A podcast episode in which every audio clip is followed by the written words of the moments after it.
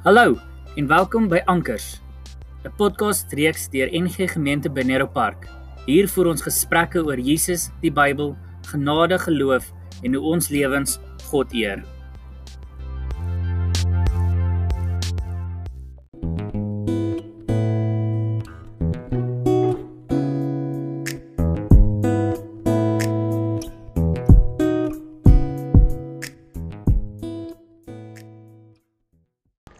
Goeiemôre. Ons is by Donderdagoggend die 17de September.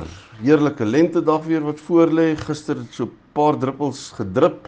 So die reën is aan die kom, so glo ons.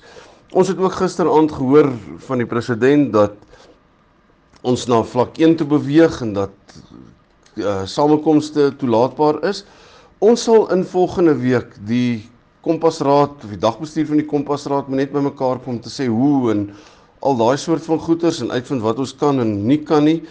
Um ons sit te doen met of die reël sê jy kan 50% van jou area vat, maar dit mag nie meer as 250 mense wees nie. So dit beteken op die letter van wat hy gesê het dat ons net ons kan volgende Sondag die 27ste kan ons erediens hou.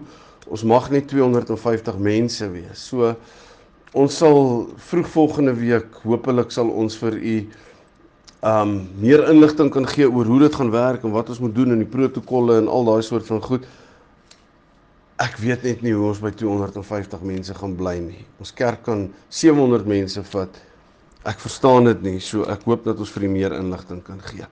Ons is vandag by Lukas 10. Die twee bekendste gelykenisse as ek nou vir u vra watter een watter twee gelykenisse is vir die bekendste in die Bybel, dan sal ons dadelik sê die verlore seun en die barmhartige Samaritaan. So ons is vanoggend by Lukas 10 vers 25 waar ons lees van die barmhartige Samaritaan. Um en ons almal ken die ken die verhaal. Uiteindelik gaan dit oor omgee en goed doen aan mense rondom ons, aan elke mens rondom ons. Wat interessant is as ons gaan kyk na die mense wat verby die ehm um, gewonde man geloop het, dan was dit almal kerkmense. Vers 31 sê ehm um, dat 'n Joodse priester verbygekom, maar toe hy die man daar sien lê, het hy aan die ander kant by hom verbygegaan. Met ander woorde, hy het sy nood gesien en gekies om eerder verby te loop. So daar ook hulle fiet aangekom. Die man een kyk gegee en ook aan die ander kant. So hy het ook gesien en verbygeloop. So twee kerkmense wat gesien het en verbygeloop het. Toe het 'n Samaritaan verbygekom. En nou moet ons onthou die Samaritane was in die oë van die Jode bastermense. Ehm um, en hulle het geen ooghare vir hulle gehad nie. Hulle het nie eers deur die land van die Samaritane beweeg as hulle moes gereis het nie. Hulle het om so ehm um, Samaria die plekke van die Samaritane geloop om nie daardeur te loop nie. En hier gebruik Jesus die voorbeeld van iemand wat hulle glad nie aanvaar het nie. Hulle sê maar hierdie ou het gesien en hy het gedoen. Die ander twee is kerkmense. Hulle het gesien en gekies om nie te doen nie. So dit is die dis die ding waarmee ons gekonfronteer word ver oggend. Wat doen ons met die nood rondom ons waar ons sien. Dit is so, ons kan nie help vir nood wat ons nie sien en wat ons nie van bewus is nie. Ek dink dit moet ou vir mekaar sê. Ek het 'n hele paar jaar terug en ek dink julle ken die storie, die mooi storieetjie gelees van iemand wat ehm um, op 'n oggend gesit en skilder het langs die strand en die persoon wat skilder sien toe daar is 'n jong meisietjie wat seesterre wat uitgespoel het op die strand teruggooi in die in die see. En toe hy vra vra Hoekom doen jy dit? Jy kan tog nie almal red nie. Toe tel sy seester op en sy gooi hom terug in die see en sy sê maar ek kon daardie ene red. So dit is so. Ons kan nie die nood van die hele wêreld verlig nie, maar die vraag is wat doen ons om ons? En ek staan self baie keer skuldig, seker meeste van die tyd skuldig, dat ons kyk en kies om verby te loop of by te ry. Dis 'n moeilike een die. Want ons word oor op 'n oorweldigende manier elke dag as jy by jou huis uitstap, dan word ons as gelowiges gekonfronteer met nood. Mense wat stikkend langs die pad lê of dit nou emosioneel of fisies is, nie hong ag ehm um, nie kos het nie wat honger is. Hulle is daar. Ons hoef net by ons hekke uit te gaan, by ons deure uit te gaan. Daar's elke dag mense in ons land ook wat doodgaan van die honger. En ons weet baie keer nie eers van dit nie. Ek dink nie ek kan meer sê ons almal het al honderde preke oor hierdie teks gehoor.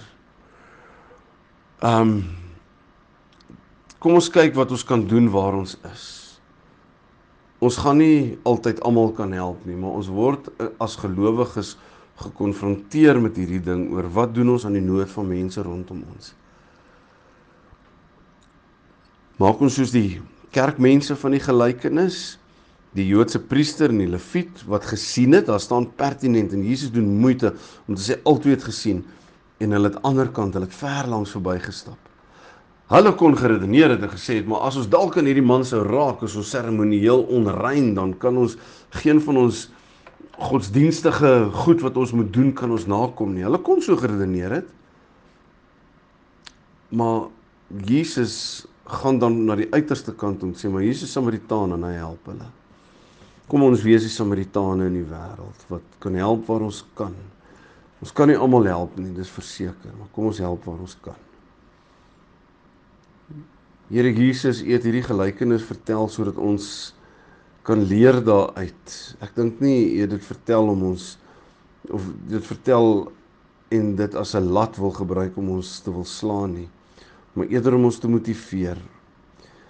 Daar's soveel nood om ons en ons word eintlik verswelg toegegooi onder die nood in ons land. Mense wat honger is, mense wat nie komberse het nie, wat nie dak oor hulle koppe het nie. Ons weet nie hoe om te bid vir hulle nie. Ons lees in Jakobus wat hy daar skryf om te sê dit help nie jy sê vir iemand mag jy warm slaap en jy gee nie klere nie. So ons wil nie vanoggend bid dat u mense oor daardie mense se pad sal stuur wat stoei nie, want ons is daardie mense. Geen net vir ons se sensitiwiteit en insig om die regte goed te besluit en die regte keuses te maak asseblief. In Jesus se naam vra ons dit. Amen. Lekker dag verder vir almal. Ons gesels môre oggend weer.